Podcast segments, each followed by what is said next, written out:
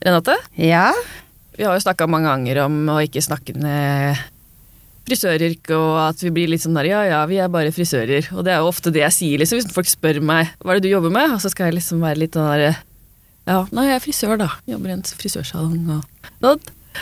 Og så var vi på en sammenkomst, da. Og så tenkte jeg at jeg var så lei av å si det. Så var det noen som spurte hva jeg jobba med. Så jeg, jeg er den beste frisøren du noen gang kommer til å møte. Hadde et par drinker innan da, jeg må si det. Men det det føltes godt å si, altså. ja. Ja, Så bra. Det er sånn vi burde presentere oss. ja egentlig. Kanskje ikke så kaksete, da. Jo da, det kan vi.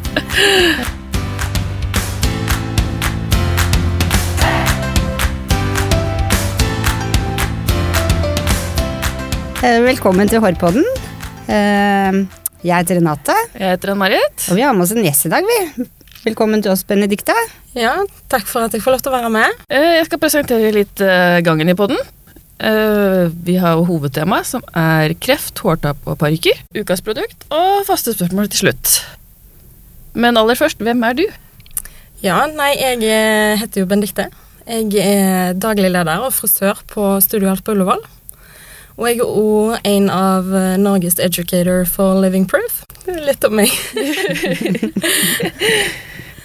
Ja, så du er på Living Proof, du òg, altså. Ja, er Vi hadde jo tidligere Monica, som også Dere jobber kanskje sammen, dere? Ja, det gjør vi. Ja. Vi jobber i lag med å kurse både innad i Studio Alf og utad i Norge på, på Living Proof. Så det er et veldig godt merke. Dere er veldig flinke. Ja, vi er veldig stolte av å få lov til å være med på det, på det merket. For det, de er veldig gode produkter, og de holder det de gjør, og sånn som Monica sa. Det er helt fantastiske produkter. Jeg tror Living Proof er veldig stolte av å ha dere på laget òg, for dere er veldig dyktige også for det dere gjør og sier også. Ja, jeg håper jo det. Men vi skal jo snakke om hårtap, kreft og parykker. Eh, mister alle håret når de Altså, det er veldig varierende i forhold til hva type, hva type kreft du har, hva type behandling du får. Ok, Så det er ikke gitt det at det, nå, du mister håret når du Nei, for det som gjør at du mister håret, det er jo cellegiften.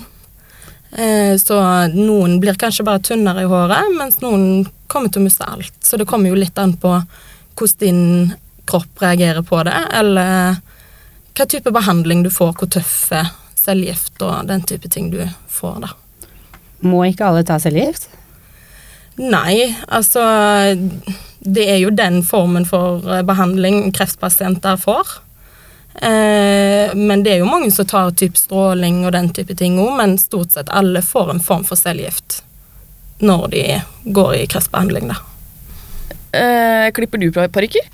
Ja, det gjør jeg jo. For Ja. det blir jo alltid litt sånt når de kommer inn at det kanskje nakken er litt lang, eller det er litt tungt ansiktet, eller forskjellige ting. Så jeg tilpasser jo parykken til den enkelte personen som kommer inn, da. Jeg gjør jo det. Kan ikke du fortelle litt om salongen din, hvor den ligger, og det spennende samarbeidet du har satt i gang Ja. med Ullevål sykehus? Salongen ligger jo eh, ja, kanskje 200 meter fra kreftsenteret på Ullevål sykehus. Og så vi er jo nærmeste nabo til kreftsenteret. Og det er jo en fantastisk jobb å kunne liksom hjelpe, hjelpe deg, da. Og da tenkte jeg at eh, jeg har jo jobba litt med parykker og sånne type ting før. Og da tenkte jeg dette er jo en kjempemulighet. Det nærmeste som jeg har forstått, er jo eh, Riksen, tror jeg. Nei, Radio. Radiumen. Ja. Radio. Det nærmeste er jo Radiumen. Så, eh, og det er jo mange kunder som har liksom kommet inn og spurt om jeg bare kan barbere av håret på sånt at det ikke parykken sklir, og så gir jeg dem gjerne informasjon om hvordan de kan gjøre ting videre og sånne type ting, og da var det litt kjipt, syns jeg, å ikke kunne hjelpe dem med, med parykken og finne den rette til de jo. Så da kontakta jeg eh, nei, Kreftsenteret på Ullevål og spurte om jeg kunne komme med i et samarbeid der at de kunne informere om at vi lå såpass nærme som vi gjorde. For vi har jo lengre åpningstider enn de har på Radiumen, og vi er lettere tilgjengelig. De kan komme inn imellom behandlingene sine, og de slipper å dra så langt. Så du som har starta dette her, altså? Ja, det var jo jeg som tok initiativ til det. Ja. Så når jeg nevnte det oppover i systemet i Studio Alf, så var de jo kjempepositive til det. Og eh, det syns jeg var veldig gøy. Å liksom få være med å gjøre noe mer da, enn sånn som du sier, bare være en frisør. Mm. Så blir jeg en frisør som ikke bare klipper hår, som faktisk gjør en enda større mening også, enn å gjøre folk fine på håret. Ja, det må føles godt. Mm. Var det vanskelig å komme i gang med det samarbeidet? Ja, altså, Kreftsenteret er jo et stort bygg. Ja. Eh, så det er jo litt vanskelig liksom finne ut hvem skal du snakke med, så du blir jo sendt litt rundt etter. Men så har jeg jo noen kunder som er kreftsykepleiere. Så hadde det ikke vært for deg og deres hjelp, så hadde jeg nok ikke kommet så langt så fort som jeg har. Så nå uh, fikk jeg jo vite av den ene kunden min, da, som er en kreftsykepleier, at uh, nå hadde hele hele kreftsenteret fått eh, beskjed om at vi gjorde det oppe hos oss. Så nå har jeg jo fått ja, et par henvendelser ekstra nå på grunn av det, og det syns jeg Det er jo ikke så lenge siden jeg begynte med dette. Jeg har jo holdt på med dette i ja, et par måneder, kanskje, eh, på Ullevål, da. Så, men det er jo den prosessen, liksom, å sette det i gang, få tak i kontaktene, hvem skal du snakke med, sant, altså. Og så er det jo Kanskje de i skranken her i resepsjonen, de har jo ikke lov til å gi ut hva som helst nummer og mailadresser og sånne type ting. Så all ære til kreftsykepleierne, altså. Ja. Mm. Til deg òg. Fantastisk. Du er stabeis, da, som står på. Jo, men altså, det Jeg har jo Jeg kjenner jo en del som har vært gjennom kreft, og da er det jo enda uh, mer spesielt for meg å kunne hjelpe andre med det. Uh, for de flesteparten som jeg kjenner, bor jo på Vestlandet, der jeg er fra. Og da føler jeg liksom, når jeg bor i Oslo, da, så er jeg så langt vekke. Og da kan jeg jo gjøre en mening for de med kreft her på Østlandet, i hvert fall. Mm. Det er virkelig noe du brenner for deg. Ja, jeg syns jo det er fantastisk, liksom, og det er jo Altså, du, du ser liksom på på eh, pasienten eller på personen som har fått denne sykdommen.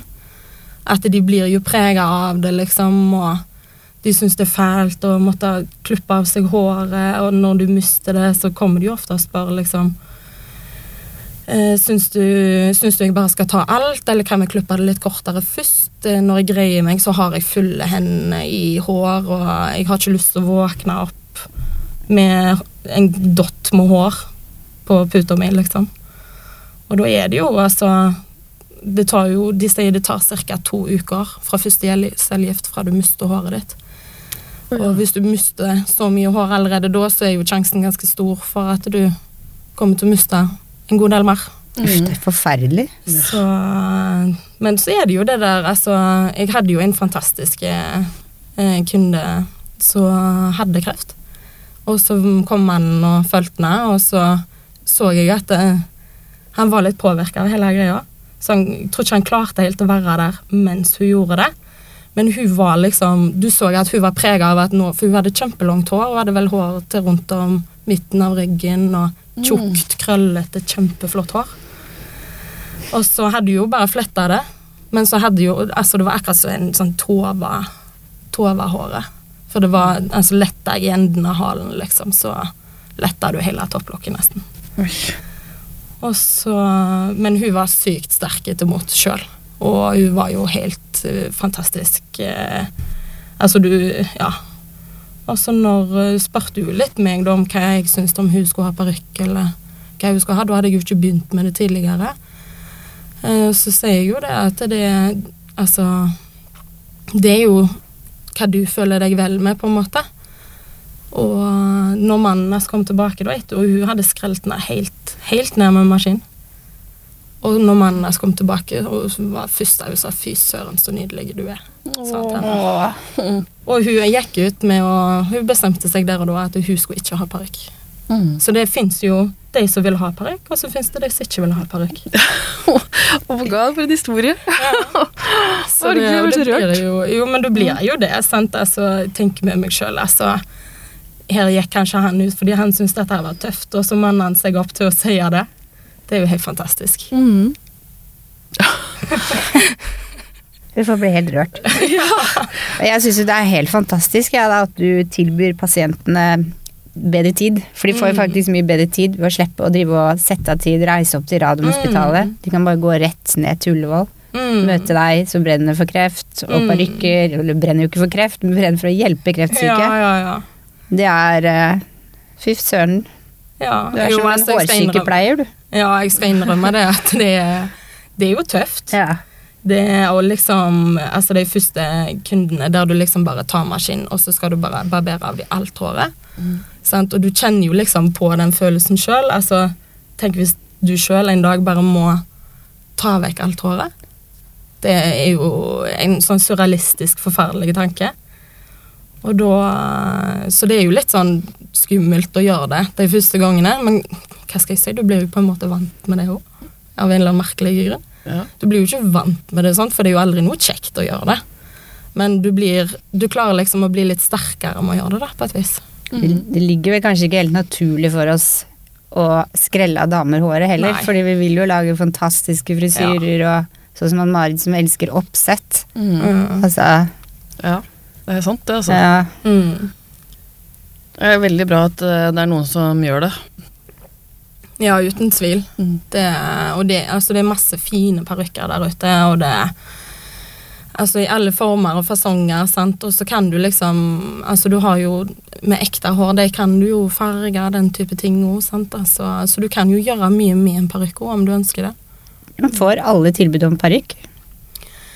Eh, det som er, det er at eh, de fleste som er ramma, eller de som blir ramma av kreft, vil jo kunne få en legeerklæring eller en rekvisisjon da, til eh, støtte om å få parykk.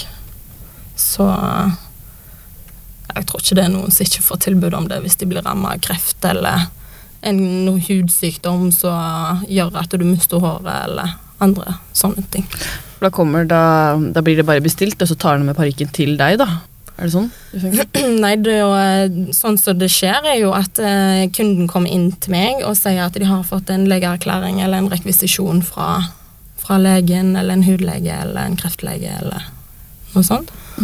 Og så eh, kommer de inn til meg, og så har vi en del kataloger der vi kikker gjennom litt parykker og kanskje, kanskje ser gjennom litt bilder av hvordan hvordan de har sett ut på håret før. Vil de prøve noe helt nytt? Altså Når du har en parykk, så kan du jo ha Du kan jo ha flere parykker. Du kan ha en, en kort, en lang, en med litt crazy colors. Sant? Du kan jo velge og vrake så mye så du vil. Ja. ja. Og så eh, bestiller jeg inn en prøvesending da, på eh, ja, fire til seks forskjellige farger og fasonger. Og så kommer de tilbake da, enten om ei ukes tid, eksempel, og så og så prøver vi da alle de ulike typene, og så bestemmer de seg stort sett for en de liker godt, og så er det litt sånn småjusteringer i forhold til om de vil ha det lettere, eller eh, kortere i nakken, eller om de vil ha litt mer lygg enn hva det var på den, eller sånne type ting, da. Hvor er det du bestiller parykkene? Det bestiller jeg på rus. Ja, Mm, rett og slett, ja. på rus, ja. ja. Det gjør jeg, så det, det var det jeg eh, Eller det var det jeg jobba med før, òg, holdt jeg på å si, så jeg kjente liksom litt til hvordan jeg jobba med det. Det er jo sikkert veldig, veldig likt i, hos Apollo og sånne type ting òg, men det var liksom det jeg hadde kjennskap til, så var det liksom sånn det ble. Bare. Men da eh, Du sa du hadde erfaring. Jobba du for rus, eller jobba du i en salong som tok inn fra de, eller? Mm, når jeg gikk i lære, så jobba jeg med eh, kollegaer som jobber med parykker og tupeer og hårdeler og sånne type ting. Okay. Mm. Ja. Så da hadde jeg jo, var jeg jo med og var nysgjerrig på dette her, og eh, hadde jo litt eh, hårdelskunder sjøl, og når de var på ferie og sånne type ting, så jeg kasta meg jo rundt og var nysgjerrig på det. Og så når jeg fikk den fantastiske beliggenheten da oppe på Ullevål nå, så tenkte jeg at dette her må vi bare Her må vi bare hjelpe. Uten tvil. Det var en salong selv som var sånn skreddersydd for deg. Ja, ja, ja. Det Jeg har tenkt på det. Jeg var på rus i forrige uke og skulle hente type extension, og da ble jeg helt overraska, for jeg var der tidlig om morgenen, mm, og det var fullt der inne. mm. Ja. Både kvinner og menn som satt der med sånn rekvisisjon Ja, på parykker. ja, ja. ja. Det var litt sånn Det var litt sånn rart når jeg kom Ja. for å hente tape extension. Jo, det er jo det, for det er jo det samme som driver med hairtalk. Ja. Sant? Altså, og det er jo sånn som hun sa eh, når jeg ble liksom kursa i dette, da. Så sa hun jo det at det er jo bare kjempeflott at flere gjør dette, for spesielt nede på rus, som du sier, så er det Folk sitter i kø, Ja. liksom, og da får vi liksom avlasta dem litt, og så slipper, slipper eh, pasientene og vente så lenge, da. Så slipper du vel å dra dit selv òg. Ja. Det også er jo å spare tid. Kan heller bruke tida på å prøve å bli frisk og Mm. samle energi. Uten tvil. For det er jo, altså, er jo ofte sånn altså, etter at en cellegiftkur, sant, så du, blir det jo nær fortelling. Sant? Altså, da er det jo mange som kanskje kommer til meg rett før de skal ha ny behandling, for de vet at de blir slitne og dårlige rett etter. Og da Og så er det liksom, hvis du skal dra dra til radiumen eller ned til byen eller hvor som helst andre plasser, så må du liksom beregne tid med kollektiv, og så må du komme deg der til, og så er du jo kanskje ikke Noen er jo ikke så gode til bein, sant? så det går jo ikke så fort, sant? og da er det jo tross alt bedre med 200-300 meter enn 2-3 kilometer. Ja, ikke sant? Så slipper du å kjøre bil, for jeg hørte at man ble veldig kvalm av cellegift. Ja, du kan bli veldig kvalm. Ja. Det kan du gjøre. Så bil opp til Radiumhospitalet, det er kanskje ikke noe du har veldig lyst til da, tenker jeg. Nei, jeg tenker det. Jeg blir veldig fort bilsjuk sjøl, Mm. og jeg jeg er jo ikke sjuk, så jeg kan jo tenke meg hvordan det hadde vært. Mm. Så det mm. Er det vanskelig å klippe i parykkene? Jeg klippa én parykk, og da kjøpte jeg ned i sentrum en gang. og det var veldig vanskelig. Men de her er kanskje litt lettere, eller? Ja, så det kommer jo helt an på, for du har jo mange forskjellige typer. Du kan jo ha syntetisk, du kan ha 50-50 med syntetisk og ekte hår. Du kan bare ha ekte hår. Så det som er syntetiske, det er jo ofte kanskje litt hardere, på en måte. Det var nok det jeg hadde, ja. Eh, så eh, det føles liksom Jeg vet liksom ikke helt hvordan jeg skal forklare det, men det føles litt sånn hardere. Mm. Og så er det jo sånn at altså, en parykk den vokser ikke ut igjen. Så du må liksom alltid være litt forsiktige. Og så er det jo sånn at spesielt hvis det er at kunden vil at jeg skal tynne mye ut parykken, så pleier jeg alltid bare å tynne ut litt, og så lar jeg kunden kjenne litt, og så tynner jeg kanskje ut litt til, og så kommer jeg til et punkt der er liksom sånn eh, Jeg kan gjerne tynne ut mer, men hvis jeg skal tynne ut mer nå, så ta, så går jeg hjem, vasker den litt, prøver den litt. Hvis du fortsatt ønsker det, så gjør jeg det mer. Og det er nesten ingen som har kommet tilbake og spør om de vil den ut er mer. Men klipper du dem på deres hode, eller klipper du dem på en dokkehode? Jeg klipper dem på deres hode. Ja, de gjør det, ja. Mm. ja. Ja, det må man Så kanskje, ja. Jo, men altså, det er jo, det er jo dette her med ansiktsform og dette greiene som vi blir lært fra skolen og fra bunnen av. Det, Mm. det blir jo, Du må jo bare behandle det som et vanlig hår, på en måte. Jeg så også klippet parykk til en eh, mann i familien min. ja. Du har litt erfaring, du der. ja. Men han pleide å gå til et sted i byen hvor du får satt på hår. Jeg skal ikke nevne noen navn, jeg husker ikke navnet heller. Men han var så misfornøyd, for han sa du får to sveiser. Du får enten bankmannsveisen eller sånn italiensk Don Juan-sveisen der. og så tvang hun meg da til å klippe noe. Vet du, jeg fikk nesten ikke sove på natta. Jeg visste at jeg skulle hjem og klippe denne mannen. for det er jo som du sier, hvis du gjør litt feil, det gror jo ikke på en måte ut. Nei, men det gjør ikke det, vet Nei. du. Så du, du blir på en måte litt sånn Litt sånn lettere på hånda enn hva Ja. du vanligvis er. sant? Altså, ikke det at du tar et jafs liksom bare fordi det gror ut igjen på en vanlig kunde. Men det blir jo Du blir litt ekstra forsiktig, du gjør jo det. Men de som er ekte hår, da, de er, er de litt lettere å klippe, eller? Ja, det blir jo litt lettere, for der er jo håret litt mjukere. Sant? Men det er jo samme prinsippet der òg. Og de med ekte hår, der er jo selve parykk... eh, Altså nettingen og sånt inni er jo litt kanskje mer ømfintlige.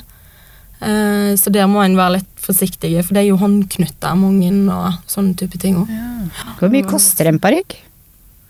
En parykk det kan variere veldig. Eh, det kan variere fra pluss-minus 7000 oppover. Det kommer jo helt an på om man er syntetisk, eller om man er 50-50 med syntetisk ekte, eller om man er ekte. De med 100% ekte hår er jo selvsagt dyrere enn de som bare er syntetiske. Hvor mye får de dekt av parykken?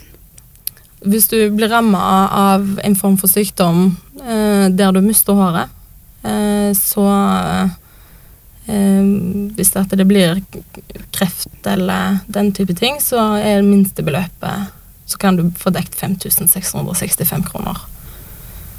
Eh, hvis det, det er andre typer hudsykdommer eller sånt, så får du dekt mer. Hvorfor forandrer håret seg etter kreft og hårtap? Det som er, er jo det at eh, det kan jo variere mye fra person til person hva type behandling du får. Um, men uh, det blir en slags uh, vekstforstørrelse som gjør at uh, det kan danne seg et nytt hårmønster.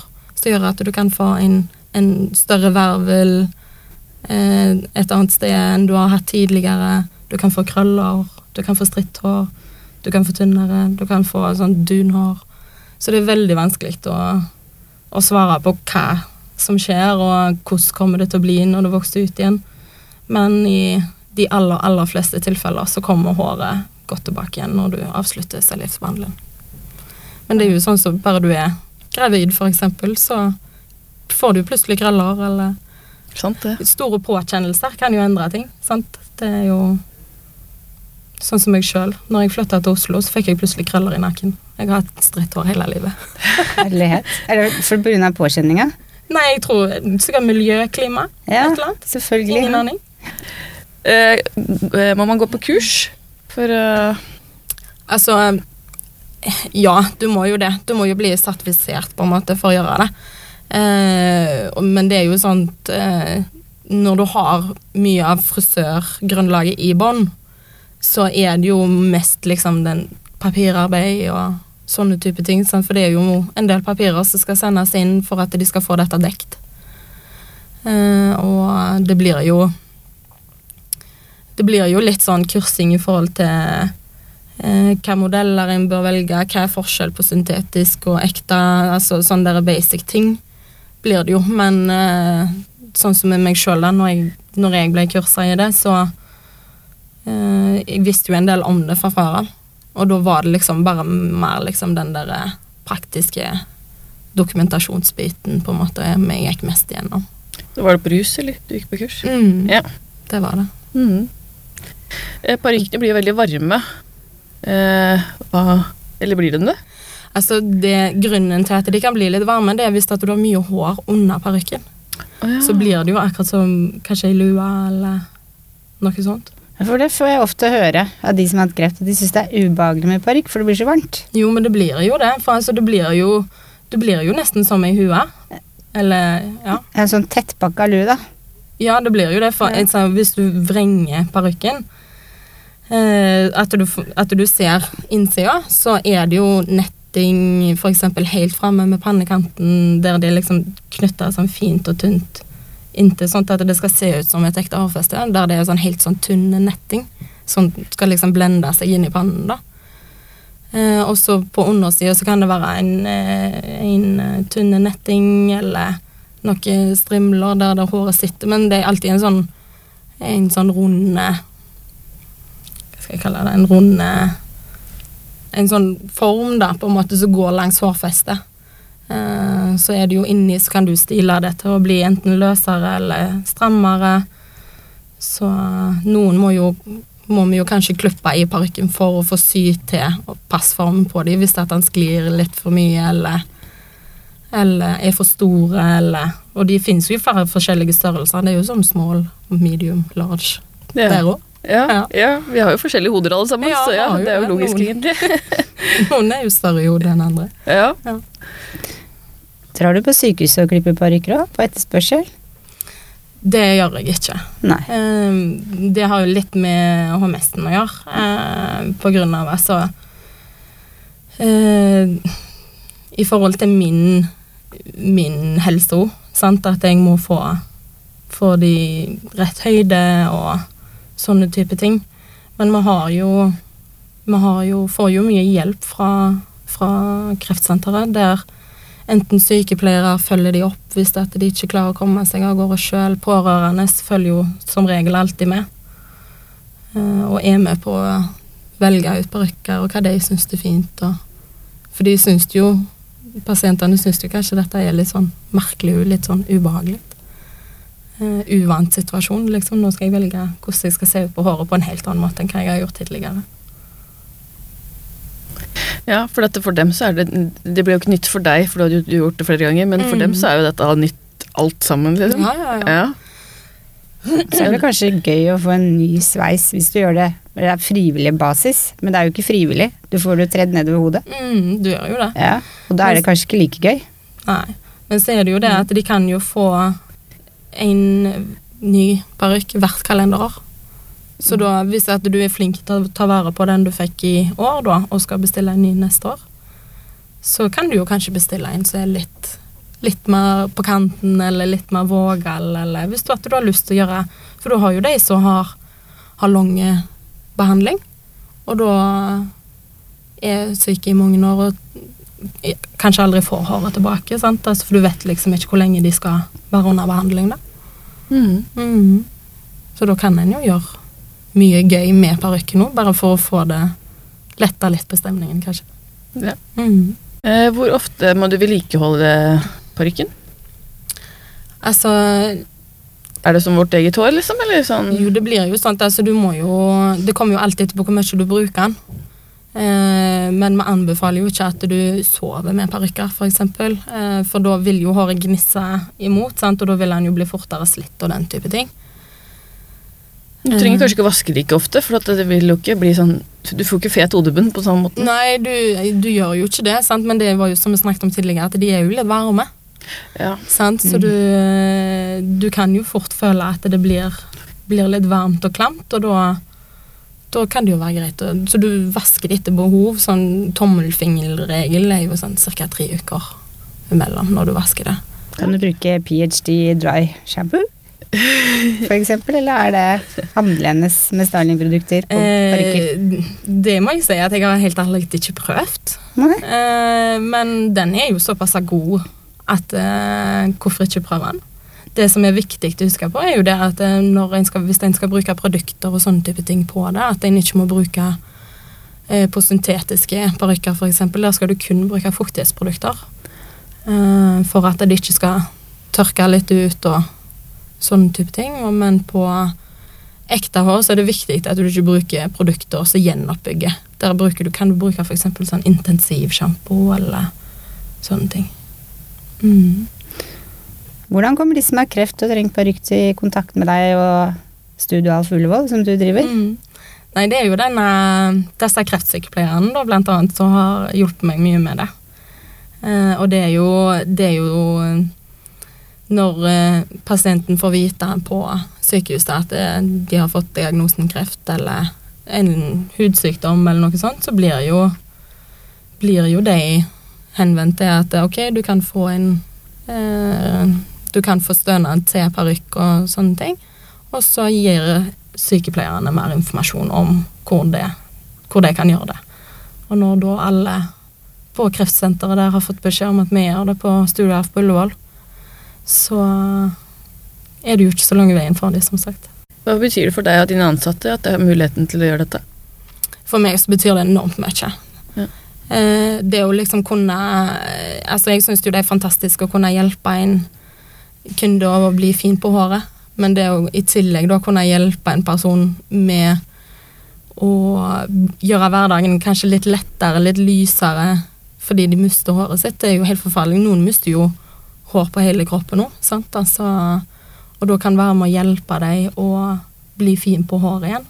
Det er en helt fantastisk følelse. Og, det, og du ser de blir liksom så glad og, og takknemlige for den hjelpen de får. Og, og jeg sier, sender jo alltid med det med det i kortet mitt og sier uansett hva det er, så ringer du bare. Ingen problem. Det er ingen dumme spørsmål. Så sant. Da har vi kommet til ukas produkt.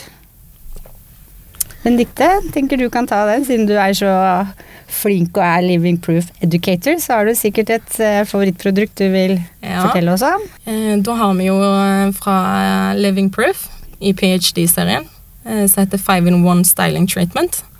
Det er jo en, en fønkrem som både pleier og gir styling.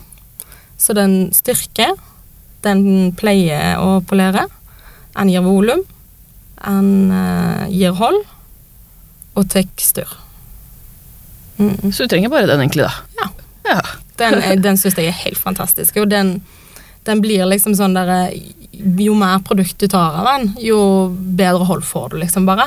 Den kan jo bli litt seig hvis du tar veldig godt i, men den, eh, den gir et sånn Den blir ikke sånn derre eh, stiv skum, på en Nei. måte. Så tar den helt fra rota, liksom. Ja, jeg kan gjøre det på enkelte. Ja. Mm. Sånn okay. de på, som har litt tynnere eller finere hår, de tar jeg den i hele håret, mens de som kanskje har litt tjukkere, de vil kanskje ikke ha så mye i, Nei, i bånd, på en måte. Nei, skjønner. Mm. Så du kan bruke den i tørt hår, du kan bruke den i vått hår. Den er jo varmebeskyttende, så. Mm. Jeg liker å bruke den når jeg tar først overnight cap på grunn av krøllene mine. Ja. Så tar jeg den over. Det er Veldig faktisk det eneste som tar ned fristen min. Ja, det er det. Ja, faktisk. Det er veldig god å kombinere de to, Mm. den kombinasjonen er jeg veldig glad i. Får alltid sånn skikkelig frist på krona, som er helt forferdelig. Liksom. Ser ut som sånne sprekte spisser. Ja. Da funker det. Ja. Vi har noen faste spørsmål til deg òg. ja. Eh, hva er dine hårrutiner?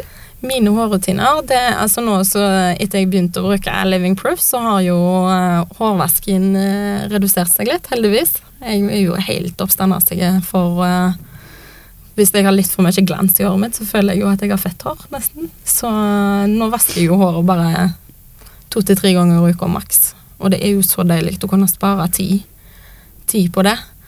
Så da vasker jeg jo håret to ganger med sjampo og en gang med conditioner, og så jeg prøver jeg å bli flinkere til å kure det sjøl òg. Ja. mm. Ja. Eh, hva er det beste med å være frisør? Det beste med å være frisør er jo det å kunne hjelpe kunder. At de blir fine på håret. Og eh, jeg er jo ikke en person som er så veldig glad i klemmer. Men etter et par år som frisør, så blir det litt sånn derre De klemmene du får av kunden når de blir så fornøyd, de er så enormt gode. Da føler du at du har gjort en skikkelig god jobb, og at de bare kan stråle resten av dagen. og ja, Ja, det er sant. det er så jeg sier, altså, Å bli fine på håret det er akkurat som første dusjen etter du har hatt feber. Ja, ja, Fantastisk. ja, det er sant. Da skal du få klemme av oss etterpå. Eh, hva er det verste med å være frisør? Det verste med å være frisør, det er jo å hele tida være på. Eh, Du må følge med på alle trender og alt som skjer i omverdenen. Eh, alle kjendiser, hva de gjør. Sant? For av og til så får du nei, unger som vil se ut som Marcus og Martinus, eller de som har lyst til å på Jennifer Aniston-sveisen ennå. Altså, så er det jo å alltid være på, liksom, og når du har det travelt, på en måte. Men det er jo det, er jo det som er litt gøy med det, på en måte. Ja. Så det er litt fælt, elsk og hatt. Ja. Ja. ja, da var det over for denne gang. Vi får takke for oss, vi da. Ja, Og så får vi takke Studio Alf for at vi får lov til å podde. Takk til deg, Benedikte, for at du ville komme til oss. Jo, tusen takk for at jeg fikk lov til å være med. Det var veldig gøy. Takk for i dag. takk for i dag.